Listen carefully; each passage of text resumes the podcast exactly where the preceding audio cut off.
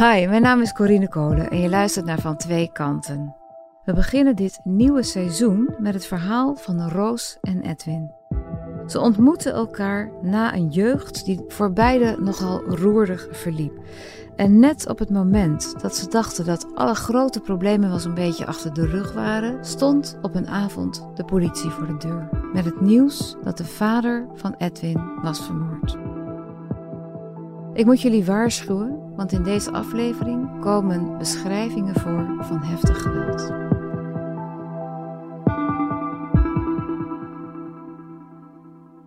Toen ik Edwin voor het eerst zag, het eerste wat me aan hem opviel was een ketting die hij droeg. Er stond een gitaar op. En dacht ik, nou goed, we kunnen ook over muziek praten. Wat vond je leuk aan haar? In eerste instantie toen ik haar zag, eigenlijk alles. En het gekke is de schoenen.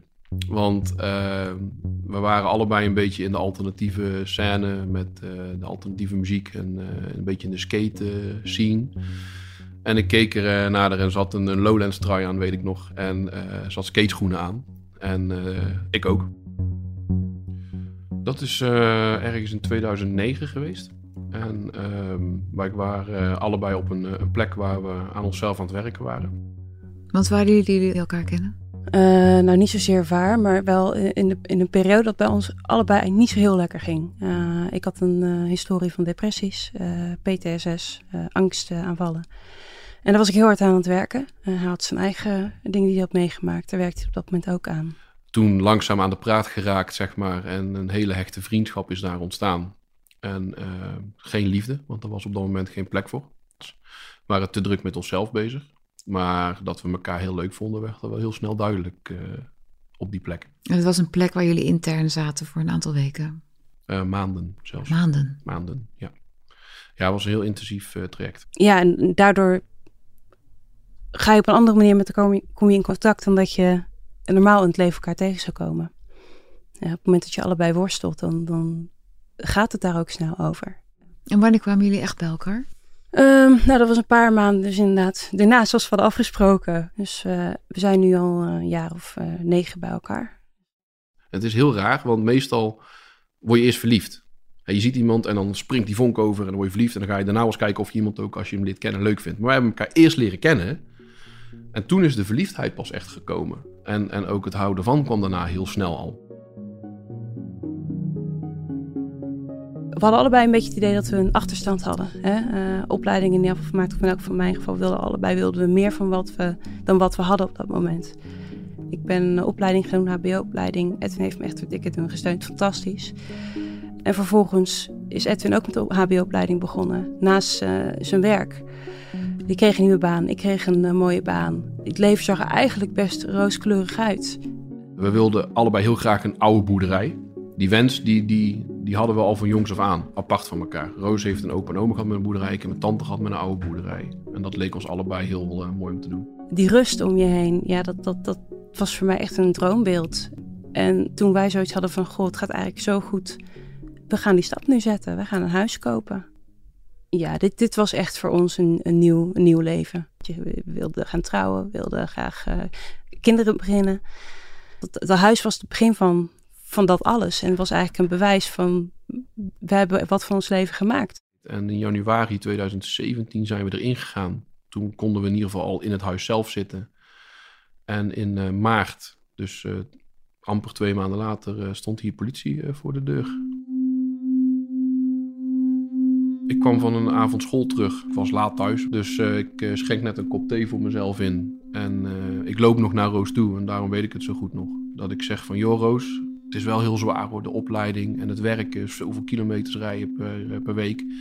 En dan de verbouwing er nog bij. Er moet nou niks uh, raars meer gebeuren, want dan weet ik niet of ik het trek hoor. Nou, en echt uh, tien minuten later ging de deurbel. Ging opeens de deurbel. Dat is natuurlijk een, hele rare tijd voor de deurbel. En Edwin staat op, doet de deur open. En ik hoorde niet precies wat er gezegd werd, maar ik hoorde Edwin zeggen: Ja, daar was ik al bang voor. Ik denk, hè? Ik doe de open en er staan twee mannen voor de deur. Ja, en het was meteen, uw vader is dood. Zeiden ze dat, uh, uw vader is dood? Ja. Zo, op die manier? Ja, dat is, uh, dat is hoe ze het doen. Het, het, het gekke is, ik weet nog dat ik toen zei, daar was ik al bang voor. En toen keek de agent zoals jij nu ook kijkt. Van, oh, oké. Okay. Wat ik nog wel heel goed weet, is dat Edwin ook in de gang zei, weet je zeker dat hij dood is? En toen dacht ik van wie? Wie, wie is er dood? En toen rijmde ik in mijn hoofd van oké, daar was ik al bang voor. En toen dacht ik, oh, het gaat over zijn vader. Ja, dat, dat, dat, dat kwam, kwam binnen. Het enige wat ik kon denken, wat moet ik doen? Wat moet ik nou doen? Dus ik vraag die Gent, ja, willen jullie wat drinken? Ik heb mijn water gepakt. En ik ben gaan ijsberen. Terwijl Edwin en de Gent tegenover elkaar zaten in het gesprek. En ik ben, gewoon, ik ben gewoon rond gaan lopen en ik, ik wist niet wat ik moest. In die huiskamer? Ja. En, en eh, gewoon in mijn hoofd wat, wat moet ik nou? Wat, wat kan ik doen? Ik wilde in actiemodus, maar ik kon, hier, hier kan je niet in actiemodus schieten. Uiteindelijk ga je dan zitten. En dan besef je dat de glazen water nog op het aardig staan. Ja, die pak je dan weer op, dan ga je weer zitten.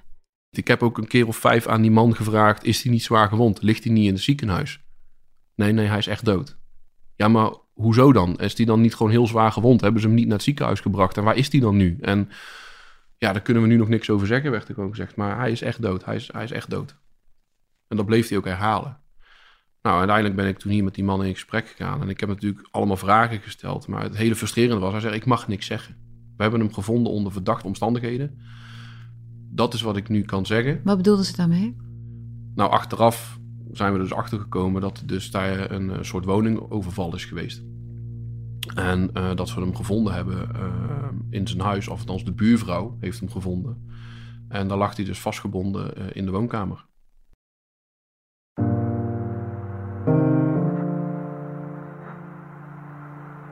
Wat was die vader voor man? Edwin's vader was uh, een hele koppige, eigenzinnige, uh, botte, maar ontzettend liefdevolle man. En ik wilde nadruk echt heel graag op het liefdevolle leggen, want er is denk ik niemand die zo trots was op Edwin, met alles wat hij aan het bereiken was, uiteindelijk ook hè, op, op mij, voor wat we allemaal op de rails aan het zetten waren. Hij vertelde het iedereen. Iedereen in zijn omgeving wist ervan. En hij was er altijd. Het was ook, hij was er ook op het moment dat het soms niet uitkwam. Maar altijd als Edwin vroeg van... joh, pa, kun je me komen helpen? Hij was er. Het was geen makkelijke man. Ik, eh, de eerste keer dat ik uh, Edwins vader ontmoette... was bij Edwin thuis. En uh, ik wist dat hij koffie dronk. Ik had aan Edwin gevraagd... joh, wat drinkt je vader? Dan zet ik het alvast klaar. Nou, koffie met melk en suiker, oké. Dus ik, hij komt binnen en ik loop de keuken in, pak koffie, pak melk. En hij kijkt me aan, had me nog niet eens de hand geschud. Waar is mijn suiker? Uh, dus dat was typisch mijn schoon. Kon je ermee omgaan? In het begin vond ik het moeilijk. Maar uiteindelijk leer je er wel mee omgaan. Omdat je weet dat hij doet de dingen die hij doet niet uit kwade bedoelingen of uit onwil. Of hij, dit, was, dit was hij door zijn hersenbeschadiging. Hij had een hersenbeschadiging? Ja. Mijn vader heeft uh, vroeger een, een, een ernstig uh, auto-ongeluk gehad. Uh, daar heeft hij een hersenbeschadiging aan opgelopen. En daar heeft hij nog ook al een gedragsverandering door ondergaan. Wat uiteindelijk geleid heeft tot een, een echtscheiding van mijn ouders, vier jaar later. De jeugd was zo, hij kwam me elke twee weken het weekend ophalen, ging gewoon naar hem toe. En ik kreeg toen op een gegeven moment ook een, een stiefmoeder en een stiefbroertje. Ook een mooi voorbeeld zo van, we reden naar zijn huis en had ik altijd een koffertje met kleren bij. En dan liep ik naar boven en dan wilde ik mijn slaapkamer inlopen. Mijn slaapkamer. En dan was opeens mijn slaapkamer niet meer. Want dat was zijn slaapkamer geworden. Want ja, hij zat daar heel de week. Hè, mijn stiefbroertje. En ik niet. Dus ik mocht in één keer in het logeerkamertje onder de hoogtezon gaan slapen. Had jij ook het idee dat je voor je vader moest zorgen? Heel erg. Dat moest ook, omdat mijn vader gewoon niet in staat was om, wat ik zeg, gevolgen in te zien van zijn daden. Vooral zijn prefrontale cortex was heel erg beschadigd. Dat is het voorste gedeelte van je hersenen wat bijvoorbeeld ook remmingen geeft. Dus als jij een impuls hebt vanuit jouw gedachten, wat je vaak bij pubers bijvoorbeeld hebt, hè, die doen heel impulsief soms hele stomme dingen, dat je dan kan zeggen van joh, zag je nou zelf niet wat daar de gevolgen van konden zijn? En dan zullen ze vaak zeggen nee, dat kwam achteraf pas. Bij mijn vader kwam dat dus helemaal niet. Hij kwam constant in de problemen. En Edwin heeft geen broers, geen zussen. Zijn ouders zijn, uh, zijn gescheiden. Dus ja, heel veel kwam gewoon op Edwin's schouder Wat voor problemen? Ja, ik kan een humoristisch voorbeeld noemen. Uh, dat hij op een gegeven moment in, uh, in Thailand was. Zo, hij reed op de scooter of motorscooter. Er kwam een agent aan en uh, die wilde zijn rijbewijs zien. En hij laat zijn rijbewijs zien. En de agent pakt hem af. En toen kreeg de agent een tik op de vingers. dat is niet handig. dat moet je niet doen. In Thailand zeker niet. Hè? maar ja, dat, dat, hij had gezegd, je mag kijken. En het was niet kijken, maar pakken. Dus hè, dat, dat is wel een heel duidelijk voorbeeld van... Hij, ja, hij kwam gewoon in de problemen. En dan ja, moest hij mee naar het politiebureau. En moesten wij er van alles gaan regelen. Wij hadden het er heel vaak over. Wat doen we met pa? En we merkten ook vooral de laatste jaren, en het laatste jaar al heel erg, werd die steeds slechter. En wij zaten natuurlijk ook van, ja, als wij nou gaan trouwen, ja, wat doen we dan met die man? En als we nou straks kinderen hebben, laten we hem dan op de kinderen passen? Ja, nee, dat kunnen we beter niet doen. Hè? En hoe gaan we dat dan oplossen? En ik weet nog dat ik toen, ik zat in gesprek met de agent. En ik weet dat ik toen nog tegen Roos heb gezegd: van ja, al die zorgen die we hadden, dat is nu wel weg. En dat was heel pijnlijk. ja, die, die eerste periode, ja, wat, wat gebeurt er? Je gaat, uh, um, de, de familierecherche staat voor de deur, slachtofferhulp staat voor de deur. En um, dat, dat is een enorme impact natuurlijk. In eerste instantie moest ik op een politiebureau komen en werd ik verhoord. Omdat ze kenden mijn vader niet. Hij was onder zeer verdachte omstandigheden gevonden. En ze hadden voor mij vragen. Dus ik ben echt 4,5 eh, uur verhoord. Roos is ook een uur of drie verhoord. Mijn moeder is een uur of vier verhoord. Mijn oom is daar ook bij geweest en die werkt bij de politie. Al alweer eens 40 jaar. Dus dat was heel prettig dat ik iemand had die mij opving daar.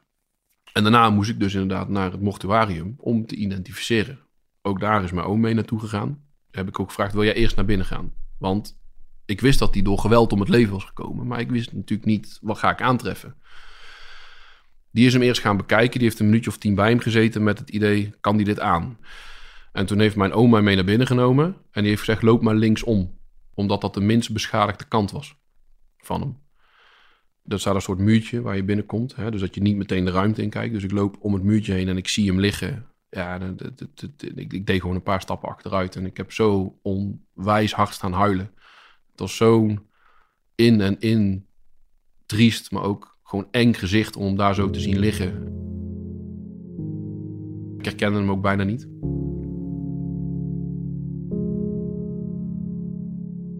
Het is niet net als in een serie of film hoor, dat iemand mooi op een tafeltje ligt en uh, netjes. Nee, het is gewoon zoals ze hem gevonden hebben, ligt hij er. En er ligt een uh, ziekenhuisdekentje overheen.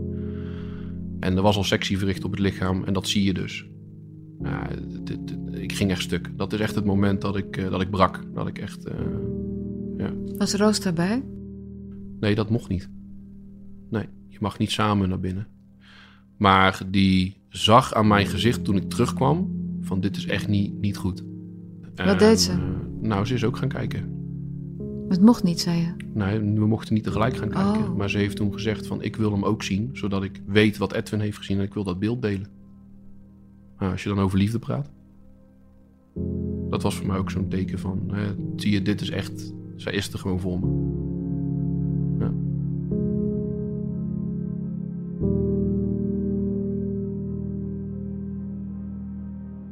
We hebben hem geïdentificeerd, allebei. Ehm, we hebben zijn huis leeg moeten ruimen. En dan word je constant geconfronteerd met wat daar gebeurt. Er lag gewoon op bloed in huis. En mag je zelf opruimen als nabestaande. Ja, dat is, dat, is, dat,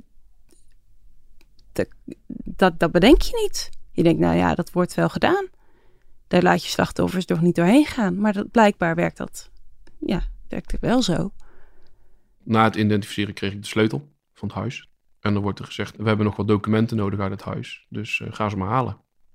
Dus wij zijn daar naartoe gegaan. Gelukkig mijn oom weer mee. Die is eerst naar binnen gegaan om te kijken hoe wat treffen we aan. En je moet voorstellen dat uh, er is wel gestoft natuurlijk. Er is onderzoek gedaan in het huis. Dus dat ligt er allemaal. Maar er ligt ook bloed overal. Uh, de hal zit onder het bloed. En de woonkamer zit onder het bloed. Er zitten bloedvegen op de muur, op de deur. En dat mag je allemaal opruimen. Dat wordt niet voor je gedaan.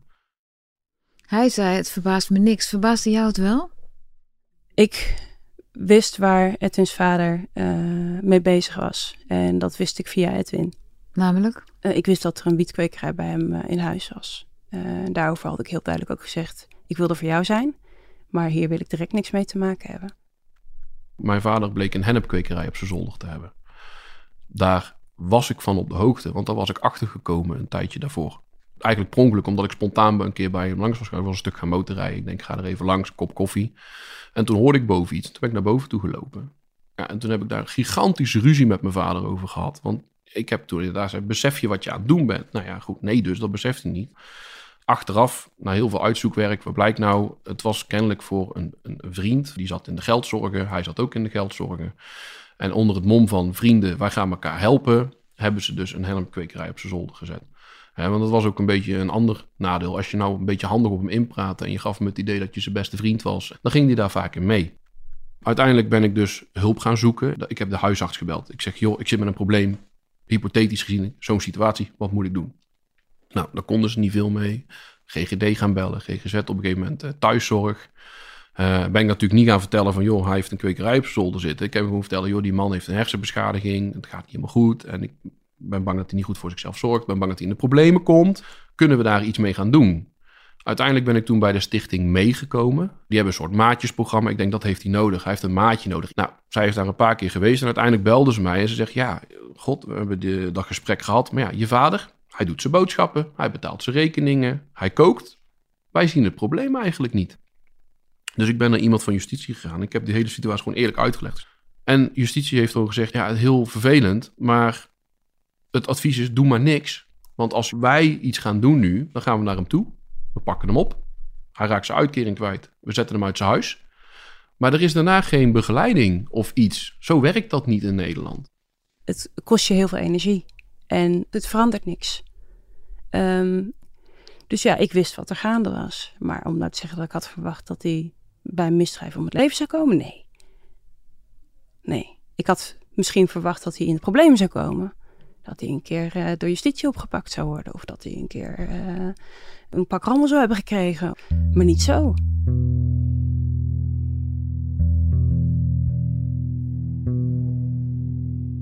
Ik vind het echt eh, verschrikkelijk. En hè, Edwin's vader die heeft natuurlijk zijn ongeluk meegemaakt. Die heeft de hersenbeschadiging uh, in opgelopen. En die heeft dat overleefd. Maar ja, hoe?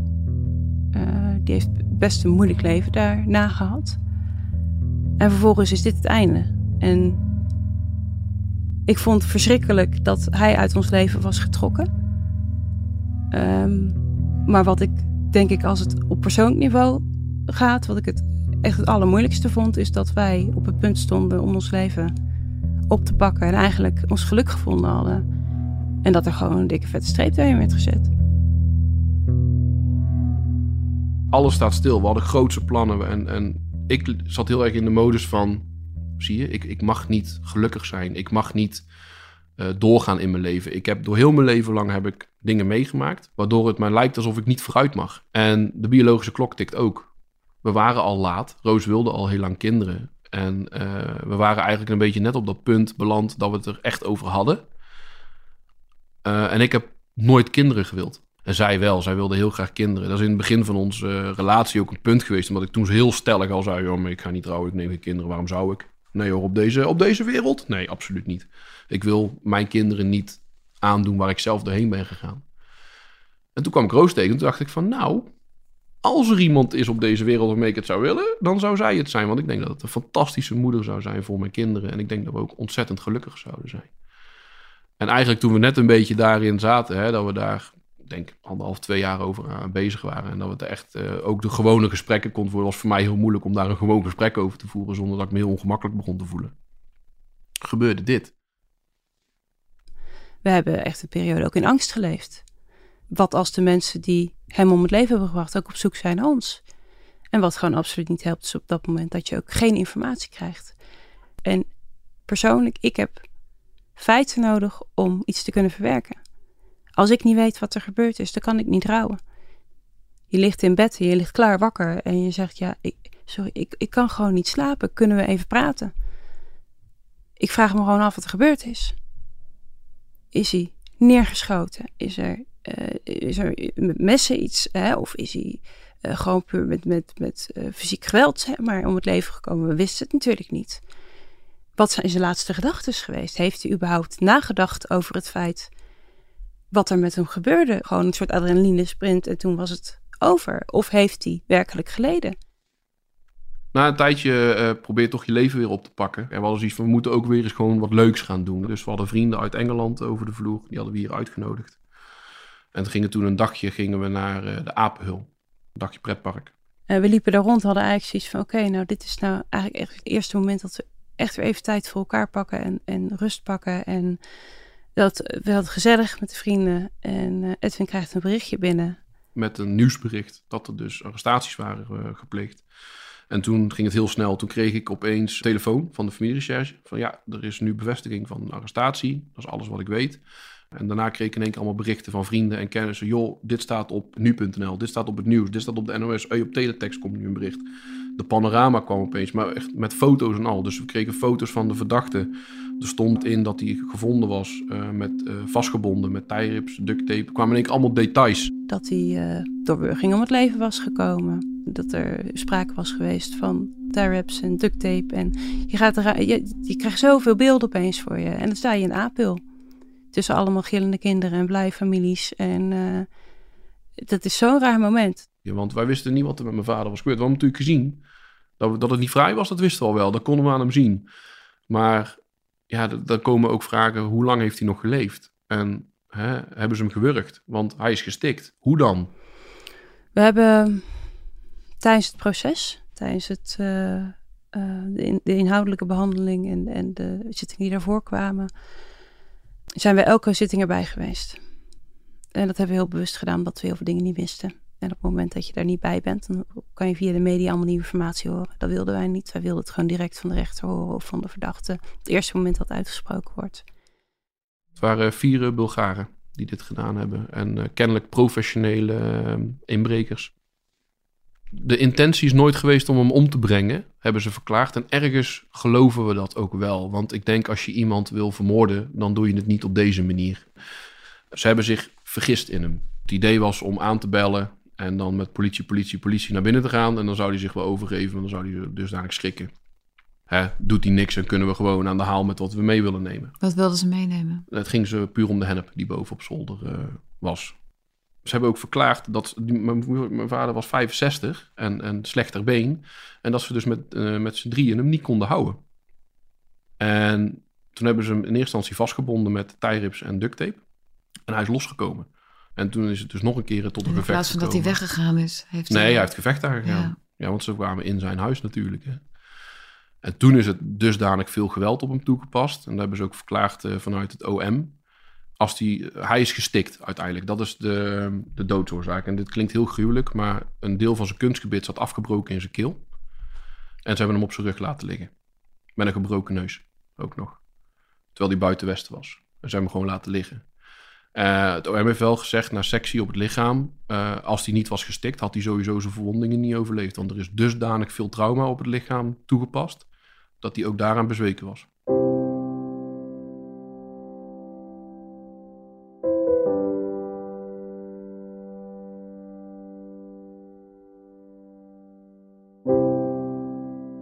Ik, ik merk dat mijn optimisme ook echt wel heel sterk is afgenomen. Het is er nog wel ergens. Uh, maar ik heb wel gezien, ik heb een hele slechte kant van de maatschappij gezien. Ja, dan denk je van, moet ik hier nou kinderen neer gaan zetten? Ja, daar hebben we het uitgebreid over gehad. En uiteindelijk, ja, wij weten allebei, we, we vertrouwen elkaar allebei. Uh, in die zin dat we zeggen dat we allebei geweldige ouders zouden zijn.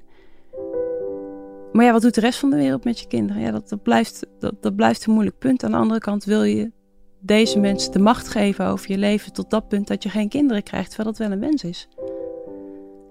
En nee, nee dat wil ik niet. Wij willen wel kinderen. En zijn jullie nu al jullie huwelijk aan het plannen? Nee. Waarom niet? Nee, het is. Um, we hebben het er wel over. Uh, we zijn erover in gesprek. Maar voor mij is er nog steeds een soort ja, belemmering. En ik stel te veel voorwaarden. Ik zou het graag helemaal willen afronden eerst voordat ik dan weer naar een volgende stap ga. En het is ook nog, denk ik, een stukje. Ik vind het ook nog eng, ergens. Waarom? Um, misschien dat ook al meespeelt dat ik nog steeds wel bang ben dat er iets gebeurt. Weer. Dat er weer iets zal gebeuren waardoor het misschien niet mag of zo. Dan zal je net zien dat we plannen hebben gemaakt en dan zal er weer iets gebeuren waardoor het niet mag. En dat is een hele hardnekkige, hele vervelende gedachte. Maar jij zegt, ik heb nog wat tijd nodig en heeft Roos het geduld? Ja, jawel. Dat heeft ze wel. Maar niet te veel meer.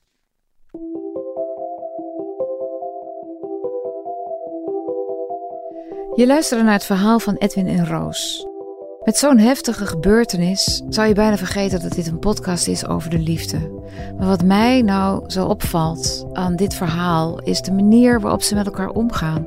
De manier waarop het ze lukt om toch die verhouding, die, die, die liefde in stand te houden. Ze zijn er altijd voor elkaar. Wil je reageren op dit verhaal? Stuur me dan een mail naar lust.volkskrant.nl of laat een recensie achter. En willen jij en je geliefde ook jullie verhaal vertellen? Dan kun je me ook mailen naar hetzelfde adres lust.volkskrant.nl. Het mag een groot verhaal zijn, een klein verhaal. Ik ben overal in geïnteresseerd. Mijn naam is Corine Kolen. Ik maak deze podcast samen met Simone Eleveld. De research voor deze aflevering is gedaan door Marijke Jonker Schouten. En de eindredactie was van Corinne van Duin. De begin- en eindmuziek werd gemaakt door Lula 13. Bedankt voor het luisteren.